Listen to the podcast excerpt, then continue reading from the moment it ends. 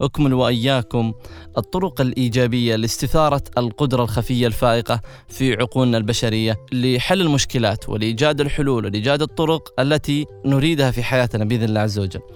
الطريقة الرابعة تسمى نبش العقل الإفرادي. هذه الطريقة من الطرق الفعال. كثير من رجال الأعمال من هذه الطريقة وهي الجلوس بهدوء مع ورقة وقلم. اكتب الهدف في أعلى الورقة. يعني جيب ورقة وقلم. اكتب الهدف الذي تريد في أعلى الورقة. ثم حدد الهدف الذي تريد. مثلا أريد آه، آه، زيادة عدد الزبائن اليوم. كيف أزيد المبيعات 20% في 90 يوم؟ إلى آخره من هذه الأفكار. كيف أحسن استخدام وقتي؟ كيف أقرأ كتابا؟ كيف أنجح في دراستي؟ بعد ذلك أجبر نفسك على كتابة 20 جواب.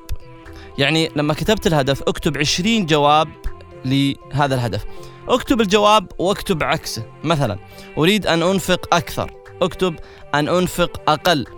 بعد كذا اكتب أن أعمل أكثر. اكتب أن أعمل أقل. أجبر نفسك على الاستمرار إلى أن تنتهي 20 طريقة أو فكرة. أحيانا يكون الجواب 17 أو 18 أو 20 هو الجواب الرائع والممتاز. سبحان الله تحصل كثير هذه. إن يكون الجواب الأخير هو الجواب الصافي وهو الجواب الصحيح لحل مشكلتك. هذا ما ظهر لنا كثيرا من تتبع هذه القضية وأيضا ستجد الخمس الأجوبة. الأولى سهلة لكن في العادة تكون الإجابات الأخيرة هي الأجوبة القيمة. بعد أن تضع آه، كل الأجوبة خذ واحدا منها على الأقل ونفذه حالا. افعل هذا كل يوم وكل حين.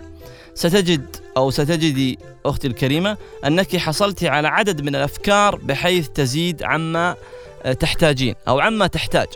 اكتب هذه الطريقة واعملها كل يوم أي أمر معين أو أي هدف تحتاجه اكتب العنوان واجبر نفسك على كتابة حلول. حاول أنك تعصف تعصف آه، يعني ذهنك إلى أن تكتب كثير من عشرين فكرة.